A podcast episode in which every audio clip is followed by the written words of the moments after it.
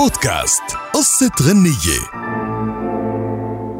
قصة غنية لليوم للعندليب الأسمر عبد الحليم حافظ وواحدة من روائع فيلم أبي فوق الشجرة. الأغنية بعنوان أحضان الحبايب. الكاتب هو المبدع عبد الرحمن الأبنودي اللي حكي قصة طريفة وراء هالأغنية.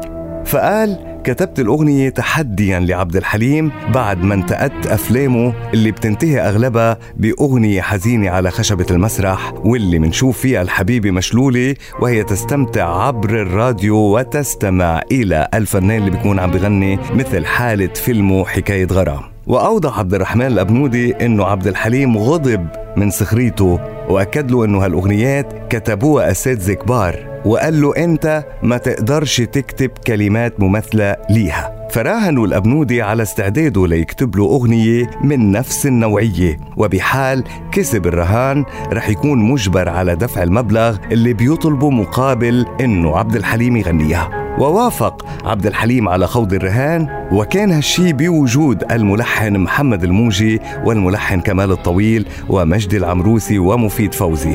وجلس الأبنودي بغرفة الطعام بداخل منزل عبد الحليم حافظ أمام حديقة الأسماك في حي الزمالك وانتهى من كتابة أحضان الحبايب في فترة أقل من غناء حليم لإحدى أغنياته. وأكد عبد الرحمن الأبنودي أنه عبد الحليم حافظ ما كان مصدق إنه هو انتهى من نظم هذه القصيدة وكتابتها ووقت اللي قري كلماتها على الحاضرين وأنهاها بعبارة حتى في أحضان الحبايب شوك شوكي حنفي. ودخل الجميع في نوبة من الضحك المتواصل ليغضب عبد الحليم بالمقابل وينسى تماما إنه في رهان بيناتهم ولكن عبد الرحمن ما تركه. حتى أخذ الرهان وبالنهاية غناها بنهاية فيلم أبي فوق الشجرة وحققت نجاح ساحق ولا تزال حتى اليوم.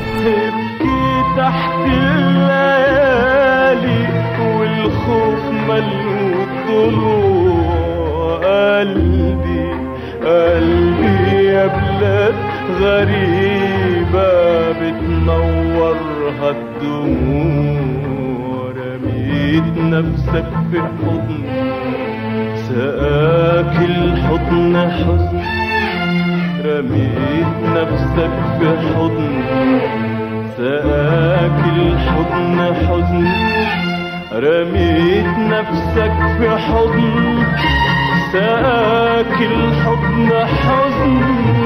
رميت نفسك في حضن سقاك الحضن حزن.